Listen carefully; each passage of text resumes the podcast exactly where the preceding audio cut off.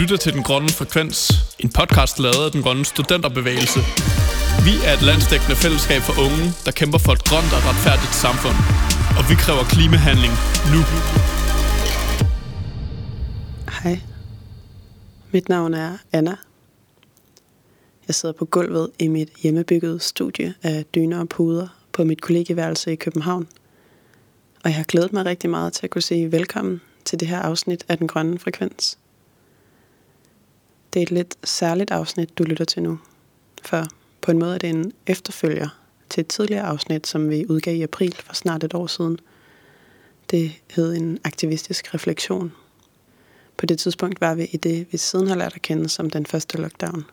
Dengang var det bare lockdown, og vi sendte mikrofonen ud i landet, ud til alle de aktivister, der pludselig var i kollektiv isolation, for at spørge os selv og hinanden, hvad aktivisme også kan være – at være nødt til at være, når vi ikke længere kan gøre, som vi plejer. Nu er det forår igen, og vi må stadigvæk ikke mødes, men alligevel er situationen helt anderledes. Så nu sender vi mikrofonen ud igen.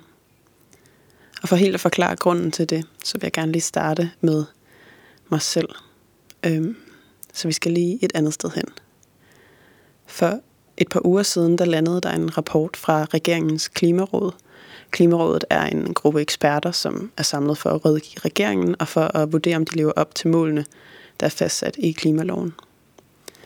I den her rapport stod der, hvad der kan være lidt svært at blive overrasket over, øh, at Klimarådet ikke mener, at regeringen lever op til sine forpligtelser. Det kan jeg afsløre, at vi heller ikke mener.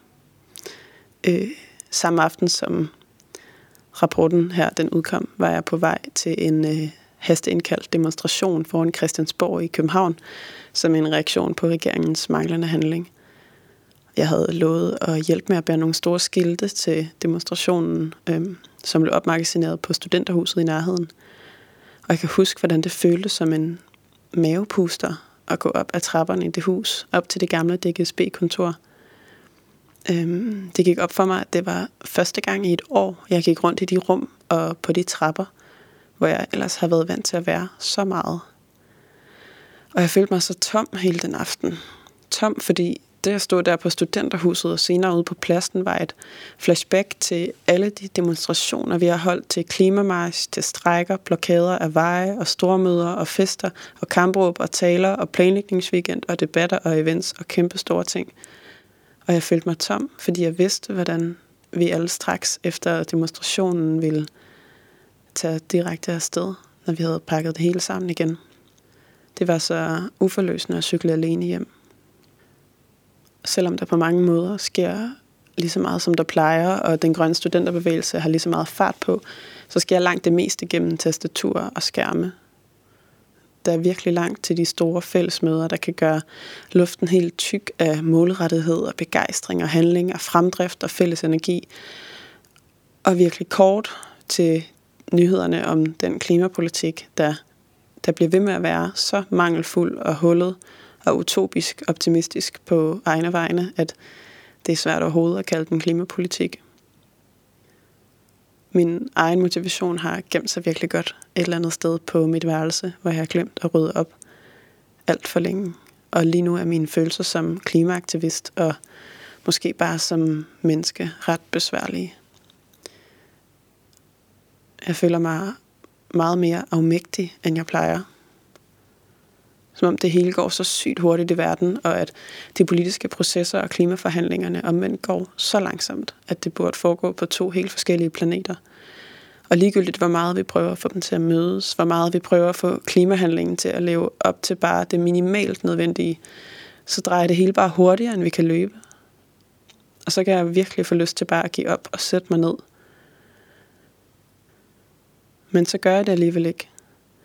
Fordi jeg et eller andet sted stadig ved, at jeg ikke er alene om afmagten. At jeg er omgivet af en hel bevægelse af mennesker, der, selvom jeg synes, de virker langt væk lige nu, deler min frustration og min vrede og min håb for forandring. Og det giver mig mod til bare at blive ved og blive ved og blive ved. Jeg synes, det er helt vildt, hvor meget følelser betyder for, hvordan vi handler. Og samtidig, hvor undervurderet de er som netop det, altså som grundlag for handling, som ja, stopklodser eller drivkræfter for forandring. Så derfor skal det her afsnit, som du nok har regnet ud, handle om følelser. Der er to ting, jeg håber, du tager med fra i dag. Øhm, to ting, jeg bare helt personligt synes er vigtigt. Øhm, men så er det jo heldigt, at det er mig, der har fået lov til at snakke her. så kan jeg jo sige, hvad det passer mig.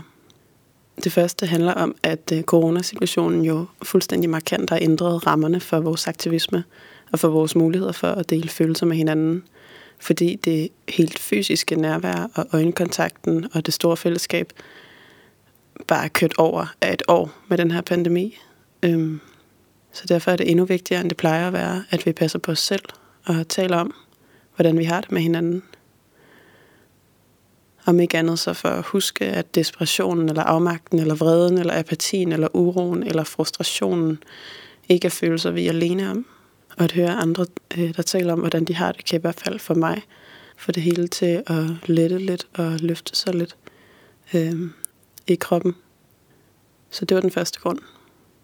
Den anden grund øh, til, at afsnittet i dag handler om følelser, øh, det er, at øh, det at tale om følelser i sig selv er en aktivistisk handling. Det er følelser, der bærer vores fællesskab, og følelser, der er klimakampens fundament, og følelser kan mobilisere. Jeg tænker tit på, hvor wack det er, når vi bliver kaldt klimaangste eller hysteriske, eller bliver bedt om bare at falde lidt ned, hvis vi for eksempel er tydeligt berørte over det, vi diskuterer eller debatterer i en eller anden sammenhæng. Der er sådan en bredt accepteret idé om, at vi kun kan få adgang til dagsordenen, at vi kun kan blive taget seriøst, hvis vi skruer ned for frustrationen, for vreden og bekymringerne, og tager sådan et nøgternt øh, stenansigt på. Det har jeg også selv tænkt. Jeg har også selv tænkt, at vi bare skulle vifte med IPCC-rapporter og fakta og statistik foran ansigterne på dem, der endnu ikke har indset alvoren. Men det er jo netop gennem de synlige følelser, at vi spejler os i hinanden og bliver rørt og bliver ramt, og minder os selv og hinanden om, at håndteringen af de økologiske kriser handler om vores eksistensgrundlag. Det vil være helt fucked up ikke at stå ved, at det sætter sig i os. Derfor tror jeg også, at vi skal øve os i ikke at tabe ind i den idé, at man kun kan diskutere klimaet, hvis man har sådan en distanceret udefra-agtig måde at gøre det på, som om vi ikke selv er midt i krisen. Så selvom det kan være svært at tale om, hvordan man har det, er det virkelig vigtigt, at vi gør det. Og derfor vil jeg nu gerne give ordet og mikrofonen videre til klimaaktivister rundt omkring i landet. Øh, både til dem, der var med før pandemien, men også til alle de nye, der er kommet til siden sidste år. Øh, alle har svaret på det samme spørgsmål, men på helt forskellige måder. Og jeg håber, at du, når du lytter med, måske føler dig hørt, måske føler dig set lidt i øjnene på lang distance, selvom jeg jo godt ved, at det her er en form for envejskommunikation. Så jeg har ikke øh, mere tilbage end at sige øh, værsgo til alle de søde aktivister. Ordet er jeres.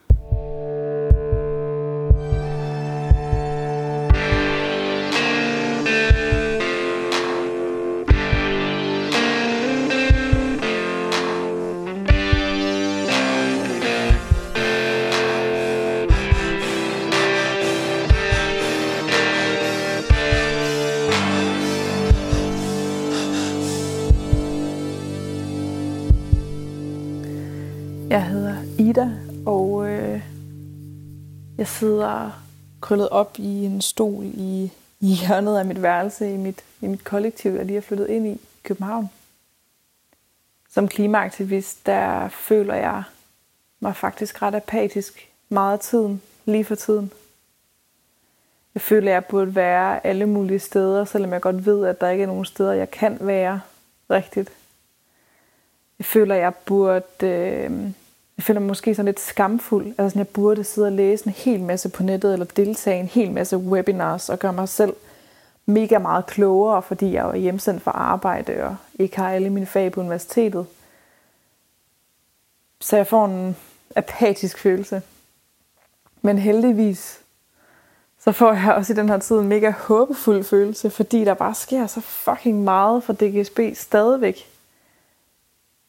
Altså, hvis jeg sidder virkelig apatisk, så ser jeg andre være mega, mega seje og råbe op med det samme, når politikerne endnu en gang skuffer. Og Klimarådet siger, at regeringen fuldstændig har fejlet i forhold til at nå målene.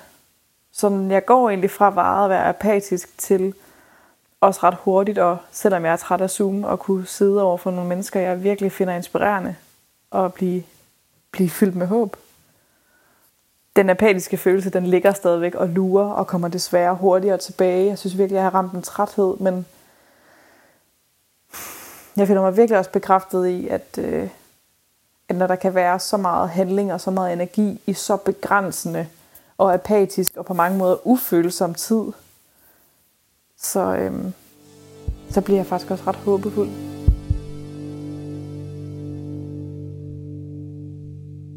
Hej, jeg hedder Hinak, og jeg sidder inde på mit værelse her i København, hvor jeg lige nu ser solnedgangen og kan se lidt over en øh, lille del af byen. I forhold til at være klimaaktivist, så tror jeg, at jeg føler mig rimelig hjælpeløs for tiden, fordi det er stadigvæk kun, næsten kun corona, der fylder, og regeringens klimapolitik, hvis overhovedet man kan kalde den, det fejler igen og igen og skaber næsten ingen opmærksomhed, fordi der er så meget fokus på andet. Og det tror jeg, jeg synes er enormt frustrerende, og samtidig er det som om man ikke rigtig kan gøre noget, fordi vi ikke kan samle som aktivister, eller vi kan ikke rigtig være på gaden. Og det synes jeg er rigtig, rigtig svært, fordi man ikke kan komme ud med de følelser, man har. Og man ikke rigtig kan gøre så meget andet, end at bare sidde derhjemme og lave nogle Twitter-storms måske, og det er så det. Um, og det synes jeg er rimelig svært, fordi man vil gøre så meget mere, men, men man er lukket ind i lockdown. Men det der på en eller anden måde stadigvæk giver mig håb og energi, det er, at man ja, kan mødes online for det mindste, og huske på, at der er masser af mennesker, der har det ligesom en selv, og der er super klar på at gå ud på gaden, så snart det er muligt igen, og at der også er folk, man kan snakke med, og folk, der kan relatere til en, så man kan have nogle gode snakke om sine følelser, og det man gerne vil, eller det man savner. Og det, det hjælper trods alt for at holde igen i den her tid, og for måske også for håb for, for tiden bagefter. Det er i hvert fald super vigtigt for mig at kunne holde fast i fællesskabet, selvom det kun er online, så ved man, der er nogen derude, trods alt.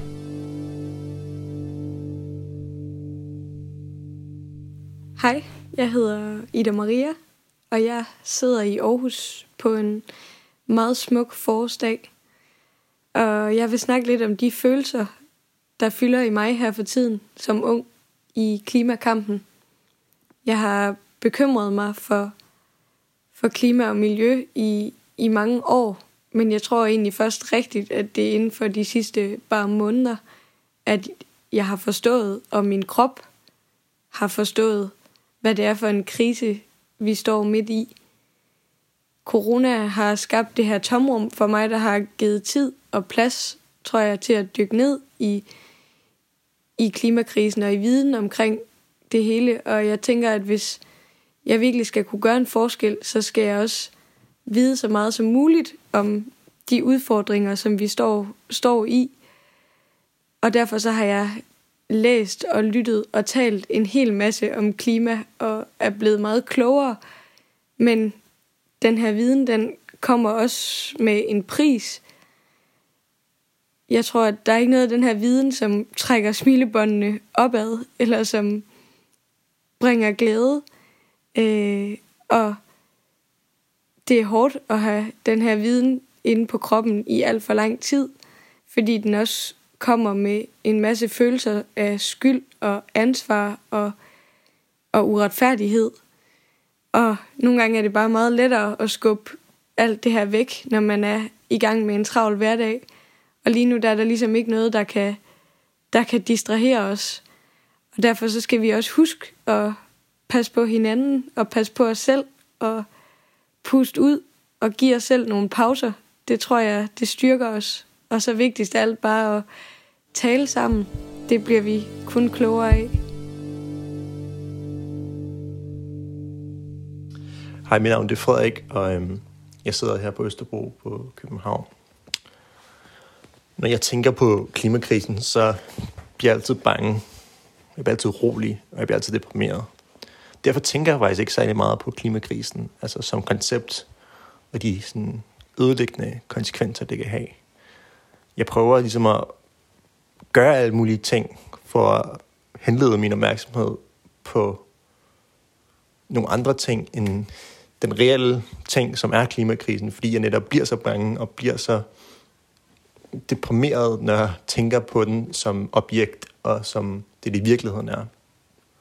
Og så en anden ting, jeg synes har været interessant på det sidste, eller også, ja, længere tid siden end det sidste, det er, at hver gang jeg så rent faktisk tænker over klimakrisen, så gør min hjerne sådan ting med at begynde at lave planer. Det gør min hjerne generelt, men også med klimakrisen. Og den plan, som min hjerne ligesom kommer op med, når jeg bliver bange for klimakrisen, det er, at den jeg ligesom projekterer et eller andet hus i Norge, hvor min hjerne så siger, okay Frederik, der skal nok gå. Vi kører det hus i Norge.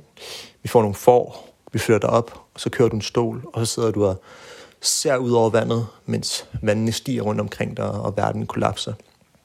Det er selvfølgelig ikke en særlig rar tanke, men jeg tror, at det på en eller anden måde er min hjernes måde at, at håndtere de meget negative, ekstremt negative følelser, som jeg har, når jeg tænker på klimakrisen som, som koncept. Øhm, jeg er sikker på, at der er også mange andre, der har de her følelser, men, og jeg ved ikke rigtig, hvordan andre håndterer det, men min hjerne håndterer det i hvert fald ved at enten at gøre en masse ting, sådan, så jeg holder mig selv beskæftiget, eller en eller anden syg illusion om et, et hus op på en bjergtop i Norge, hvor verden kollapser foran mig.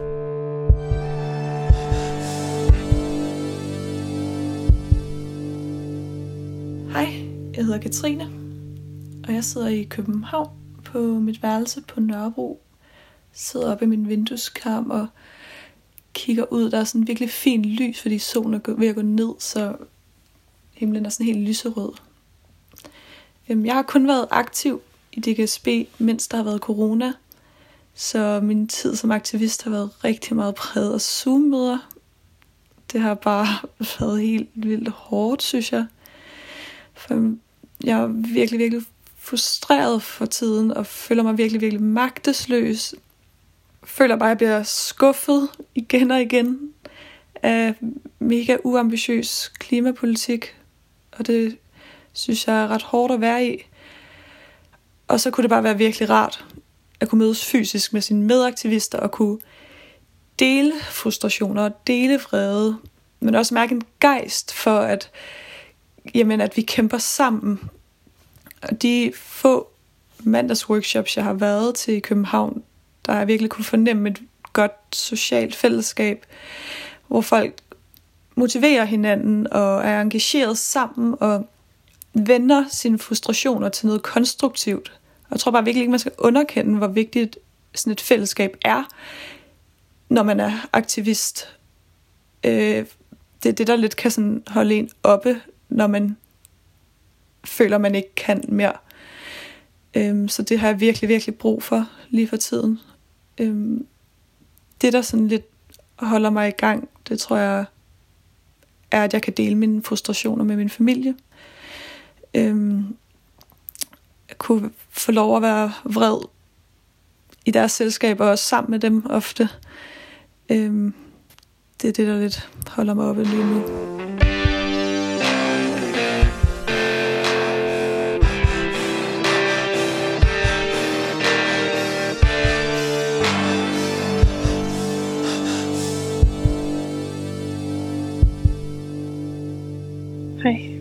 Jeg hedder Mira, og øh, jeg er lige nu i Nordvest i en lejlighed, og jeg sidder på mit værelse i en sofa. Og jeg kan mærke, at øh, som aktivist lige nu i den grønne studenterbevægelse, der fylder det hos mig, at øh, der er simpelthen så mange måder at være aktivist på. Og øh, jeg har nogle gange i tvivl om, om jeg gør det på den måde, som er den rigtige, eller det, der sådan er mest øh, jeg kan man sige, aktivt mest potent i forhold til, hvad der, hvad der kommer ud på den anden side. Og øh, når jeg tvivler, det er selvfølgelig godt at tvivle på det, men jeg kan også mærke, at det er noget lige nu, der fylder, fordi jeg ikke lige helt kan, kan være sikker på, at det bliver reflekteret i handlinger fra politikernes side. Det er vildt så mange måder, man kan lave klimaaktivisme på. Og så at det stadigvæk ikke øhm, ligesom afspejler sig i, at de lytter til eksperterne. Man kan samtidig også mærke, at fordi der er så mange måder at lave klimaaktivisme på, så kan jeg mærke, at vi er kun i gang med at se begyndelsen af det her. Altså jeg tror, at der er så mange forskellige virkeligheder jo for alle de mennesker, der, der er med, og også de mennesker, jeg kender, som ja, bare generelt kan mærke klimakrisen sammen med mig, og ligesom deler deres oplevelser, hvad end det er, så er det virkelig for dem. Og det kommer til udtryk på måder, øh, som jeg ikke anede var muligt. Både i øh, fred og i deling af følelser, men også i sådan, ja, oprettelse af nogle fællesskaber omkring det her, som bare er omsorgsfulde. Øh, som jeg kan mærke både i, i min egen vennekreds, men også i, når jeg hører fra andre. Det synes jeg bare er ret dejligt at vide og være en del Jeg hedder Sofie. Øh, jeg er aktiv i DGSP i Silkeborg, øh, og det er et sted, som Stald kalder sig selv for Danmarks outdoor-hovedstad. Øh, og her er virkelig flot med Gudenåen og masser af store skove, men jeg synes desværre ikke altid, at der bliver passet lige godt på naturen og klimaet her. Derfor så er mange af de følelser, der fylder mig som klimaaktivist for tiden, også meget sådan magtesløshed og sådan en vis grad af desperation. Øhm, der er ikke noget, jeg hellere vil, end at prøve at hjælpe øh, med en grønnere fremtid, men det er bare rigtig svært midt i en pandemi og lockdown. Derfor så synes jeg virkelig, det hjælper at snakke med nogen, der har det på samme måde. Øh, og for mig der betyder det virkelig meget, at vi har DGSB, fordi så føler man sig stadigvæk alligevel en lille smule som aktivist. Og samtidig så er det helt vildt motiverende at møde alle de seje mennesker, der er en del af det her fællesskab. Det giver mig trods alt et, øh, et håb om, at vi engang vil nå vores grønnere fremtid. Jeg hedder Victoria Iris, og lige nu er jeg i et sommerhus i Gilleleje. De følelser, som fylder mega meget for mig lige nu som klimaaktivist, det er mangel på engagement og energi. Øh, faktisk, hvis det er... Ja, det er jo mega meget en følelse. Og, og det kommer helt sikkert af, at vi ikke rigtig kan mødes i virkeligheden, men simpelthen bliver nødt til at mødes over Zoom.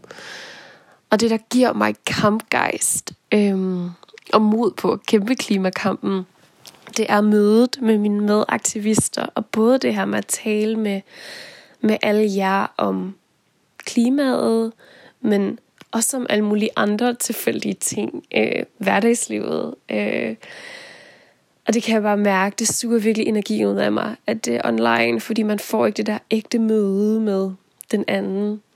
Øh, det føles bare, ja, det føles lidt amputeret, selvom at, at jeg synes, vi er mega, altså, vi klarer det mega godt over Zoom, og er mega gode til at, at, at mødes og, at lave nogle fede ting og sådan noget. Øh, sådan som jeg har dealet med det, har egentlig været at sådan tage pause fra at lave aktivisme, det er ret ærgerligt, øh, men det har bare været, fordi jeg ikke har kunnet sådan, jeg har bare manglet energien til det, øh, men jeg håber virkelig, at jeg kan mærke allerede nu, det kommer tilbage, når jeg bare er mere en del af, øhm, af bevægelsen, og sådan, også nu lige, lige her om lidt, så øh, skal vi begynde at gå ture i de her turgrupper, og det glæder jeg mig bare sindssygt meget til. Altså at få mødt nogle andre aktivister og gået en lille tur øh, og snakket om, om både klimaet, men også om alt muligt andet. Så det håber jeg virkelig kan give en masse gejst tilbage. Ja.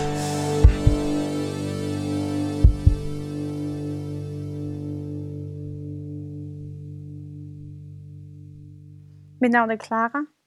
Jeg sidder på mit værelse på kollegiet Regensen i København.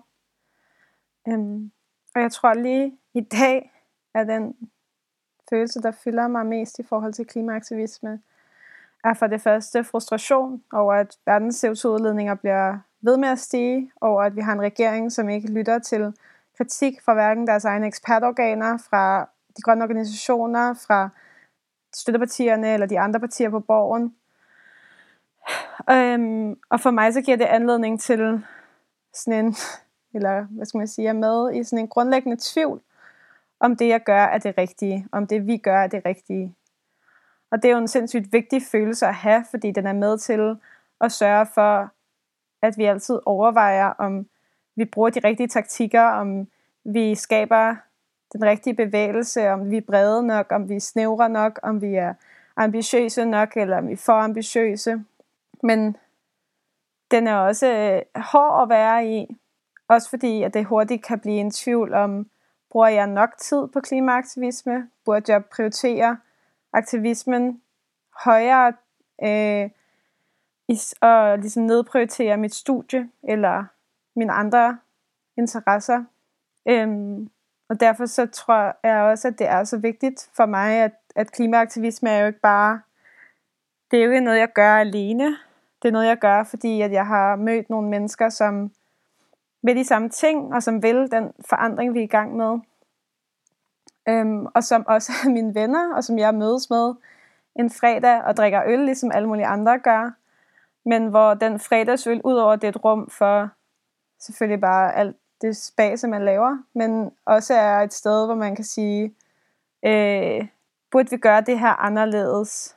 Øh, burde jeg, hvordan håndterer I øh, følelsen af, at jeg burde droppe ud for at være klimaaktivist? Alle de her følelser bliver det også et rum for. Jeg hedder Mette. Jeg er aktiv i DGSB Aalborg, og det er også Aalborg, jeg sidder i lige nu. Og jeg har gået og tænkt lidt over, hvad det egentlig er for nogle følelser, der fylder meget for mig som klimaaktivist. En rigtig stor del af tiden, der er det heldigvis glade følelser, ofte en følelse af stolthed og af fællesskab. Øhm, men hvis man skulle nævne en negativ følelse, der desværre godt kan komme til at fylde lidt meget, så er det faktisk en følelse af mangel på forståelse fra min omgangskreds uden for klimabevægelsen. Øhm, der er rigtig mange af mine venner, der egentlig sådan er søde nok, men ikke rigtig kan forstå det her med, at jeg render rundt og arrangerer klimastrækker og råber på gaden, og hvorfor jeg egentlig gider bruge så meget tid på det, og hvorfor jeg går så meget op i alt det her klimahejs. Og det kan godt nogle gange få en til at føle sig sådan lidt skamfuld, eller i hvert fald lidt pinlig, og sådan at man ikke rigtig har lyst til at snakke om det. Men jeg prøver at minde mig selv om, at jeg jo har hjertet på det rette sted, og at intentionerne er gode, og egentlig bruge det her med, at der er så mange, der ikke forstår det som en drivkraft og som et bevis på, at vi er nødt til at arbejde på at få flere til at forstå, hvorfor klimakrisen er vigtig. Hej, mit navn det er Jens. Jeg bor i København, og lige nu der sidder jeg i et sommerhus i Nordsjælland i nogle meget stille og mørke omgivelser. Lige ved tiden som klimaaktivist, der har jeg det okay. I går gik jeg en tur med nogle af mine medaktivister, og det mindede mig om vigtigheden af det sociale aspekt og den sociale bæredygtighed i klimaaktivismen, fordi det bidrager til ens engagement og motivation. Noget, som jeg synes, der har været svært som klimaaktivist under corona, har været det her med at sidde derhjemme uden ens klimaaktivistiske fællesskab, mens at vores politikere slet ikke har taget ansvar på sig for at løse klimakrisen. Det har gjort mig endnu mere magtesløs, end jeg var før corona, hvor jeg trods alt mærkede gejsten til vores mandagsworkshops eller klimademonstrationer. Vores politikere har vist en enorm handlekraft, når det kom til at løse coronakrisen, men de har slet ikke gjort det nødvendige i forhold til at løse den accelererende klimakrise. Jeg har oplevet en enorm distance fra politikernes side over for klimakrisen, og det har gjort mig som aktivist meget frustreret og modløs, når man selv febrilsk gør, hvad man nu kan for at sikre en ambitiøs og retfærdig klimapolitik. En anden følelse, som er dominerende for mig som klimaaktivist, er det her med, at man lige når at mærke, at ens aktivistiske arbejde batter, og der rent faktisk er et payoff, og at magthaveren lytter til os, hvorefter de igen skuffer os. Man bliver hele tiden mindet om, hvor meget brug øh, der er for os aktivister, og det ansvar synes jeg ikke, at vores politikere kan være bekendt og kaste over på os unge mennesker. Det gør det ikke desto mindre endnu mere værdifuldt at kunne være i et klimaaktivistisk fællesskab, hvor man bliver mindet om, at man ikke er alene med sine bekymringer, og desuden kan handle på dem i fællesskab med andre ligesindede.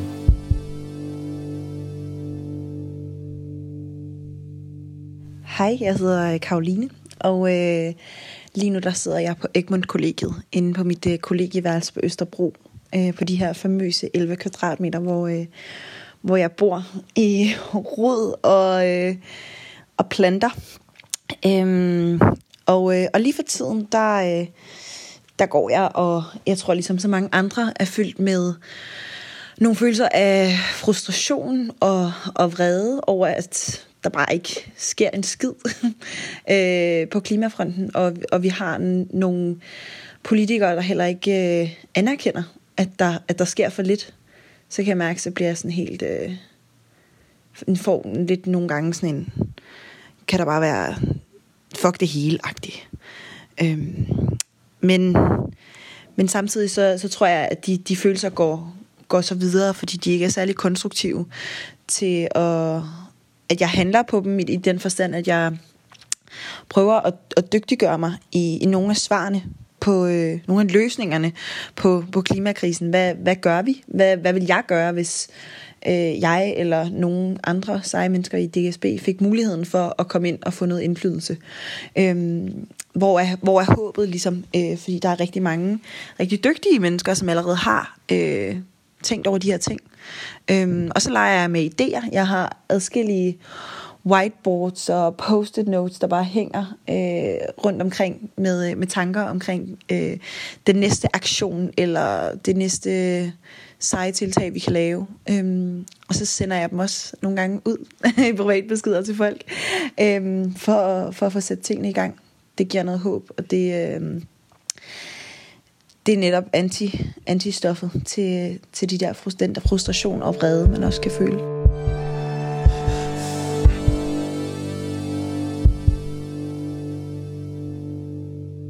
Hej, jeg hedder Ingrid, og jeg bor i København. Lige nu, der er jeg faktisk ret tilpas øh, i forhold til min egen formåen som klimaaktivist.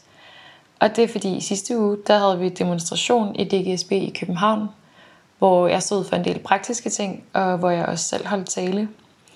Og det har jeg ikke gjort før, øh, så det var alligevel noget, der tog en del af min tid. Øh, og det føltes ret øh, vildt at stå der med sin egen øh, holdning foran 150 andre klimaaktivister. Ja, så man kan sige, lige nu der er jeg måske opfyldt af den der klassiske fællesskabsfølelse, man tit oplever med aktivisme. Men sådan normalvis, der synes jeg, at det kan være meget varierende, øh, hvordan det føles at være klimaaktivist. Og nogle dage, øh, så har jeg mega dårlig samvittighed over, at jeg ikke synes, jeg følger nok med i debatterne og nyhederne og sådan. Andre gange, der har jeg helt vildt travlt med aktionsplanlægning og tænker på Klima 24-7. Og jeg tror, at sådan er det måske bare blevet for mig, at det sådan er nogle perioder, hvor at nærmest altid bliver brugt på det, og så et stykke tid, hvor der ikke øh, sker så meget.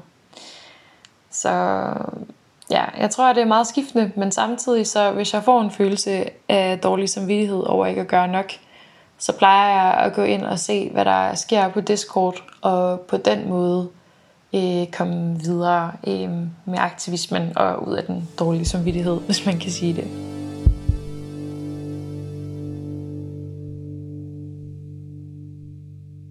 Hej, mit navn er Lutger. Jeg er klimaaktivist i DGSB Odense. Lige nu som klimaaktivist, så har jeg det faktisk lidt hårdt, fordi det mangler lidt på engagement for at få lavet noget, fordi altså som det sikkert som lytter ved, så må man ikke lave noget, så jeg sidder til en masse møder, og jeg oplever, at øh, jeg sidder meget ned, og jeg savner det, som jeg dengang syntes var rigtig sejt med klimaaktivisme, med at møde folk og snakke om noget, jeg var engageret i, og møde altså andre folk fysisk. Så nu holder jeg, sådan har jeg snakket for rektor på SDU, men selvfølgelig ikke fysisk, og det, det er der mega nederen, at man ikke får den der oplevelse, og alle de der, de der oplevelser, de bliver bare lidt væk. Så det, det savner jeg rigtig meget. Um, og det jeg gør i stedet for, det er, vi lægger planer og planer og planer for, hvad vi gør næste, når det endelig er over, så vi har lægger planer i kommunalvalgsgruppen og sådan. Altså, helt ærligt, så synes jeg ikke, det er sådan super spændende lige nu. Men jeg glæder mig med udsigten på, at de planer, jeg laver nu, at de bliver realiseret til noget virkelig fat og virkelig godt op mod kommunalvalget og øhm, også på universitetet, at det altså endelig bliver til noget.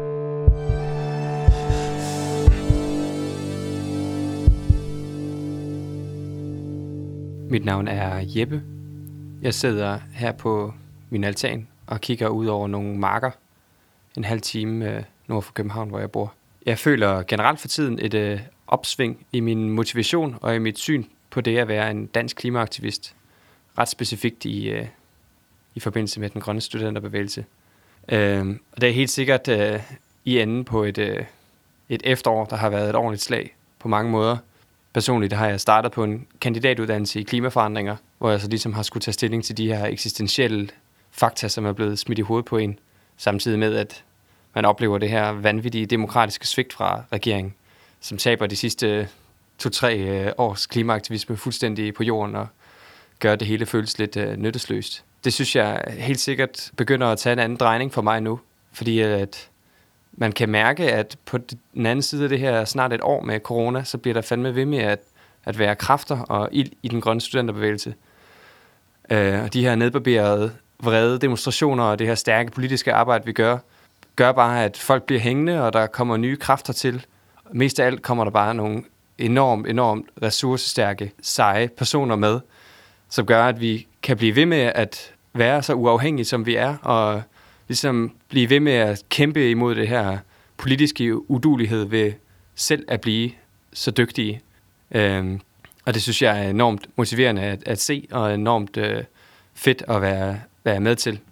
Det, det tror jeg er den bedste måde for mig for tiden at, at dreje alt det her på.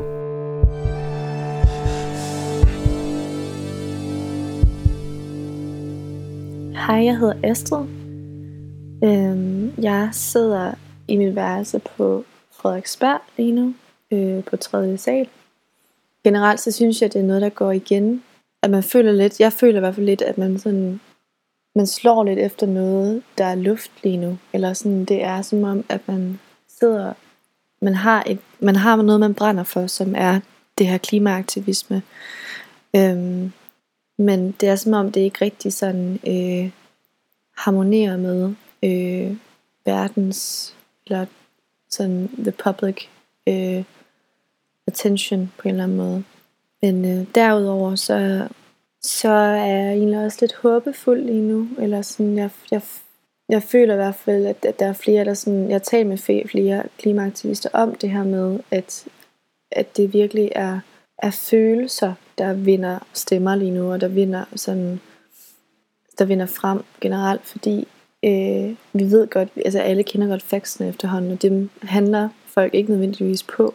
Så det her med, at man ligesom kan bruge sine følelser til at være klimaaktivist, og sin frustration og sin vrede, og altså sådan, der, der er bare mange ting, som man faktisk kan, kan man, man kan sidde og brænde inde med, men som man faktisk godt kan bruge til noget. Og det har jeg først indset nu her nærmest, så det vil jeg prøve at arbejde videre med.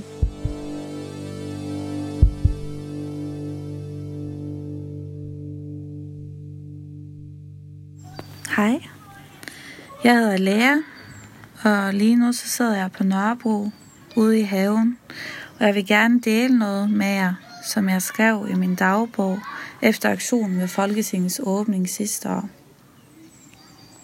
Hvordan kan man forklare det, vi skabte i dag? De sidste dage har sindet konstant pulseret i kroppen, og jeg var blevet bange for, at jeg var ved at hengive mig til afmagten. Vi sidder i ring på Slotspladsen på Christiansborg. Solen bryder igennem skyerne, giver himlen et lyserødt skær. Nogen har lavet morgenboller og kaffe. Vi snakker om alt og ingenting, for det er ikke nødvendigt at formulere det, der venter os i ord. Stemningen er nemlig til at tage og føle på. Nu for det, vi har arbejdet mod i timesvis de sidste uger, momentum. Selvom frustrationens tilstedeværelse stadig er mærkbar, er det ikke længere som før. Da jeg sidder med mine medaktivister, føler jeg en ro brede sig om mig som et varmt tæppe. Følelsen af afmagt slipper taget, i det jeg indhyldes i fællesskabet. Jeg må indrømme, at det har været hårdt at være klimaaktivist i lockdown. For man kan tit føle sig alene i afmagten.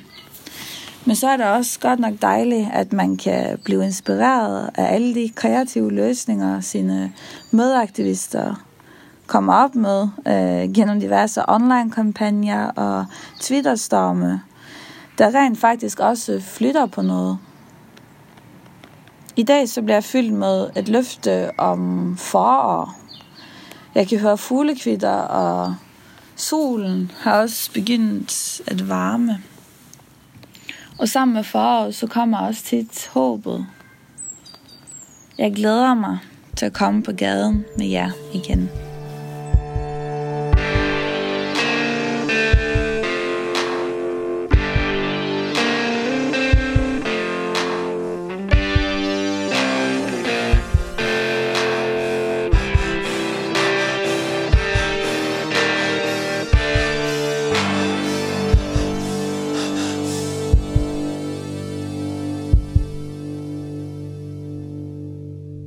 Tusind tak til Ida, Henrik, Ida Maria, Frederik, Katrine, Mira, Sofie, Victoria Iris, Clara, Mette, Jens, Karoline, Ingrid, Ludger, Jeppe, Astrid og Lea for at være med. Det er, er jeg virkelig glad for, at I har haft lyst til. Hvis øh, du godt kunne lide at høre det afsnit, hvis du synes, det var dejligt, så håber jeg, du har lyst til at dele det med en ven, så vi også kan nå din vens ører. Og så vil jeg lige tease lidt for, at der snart kommer endnu et afsnit af Den Grønne Frekvens, som kommer til at handle om vækst. Det kan du glæde dig til. Ellers er der ikke så meget andet at sige end tak, fordi du lyttede med. Vi høres snart ved igen.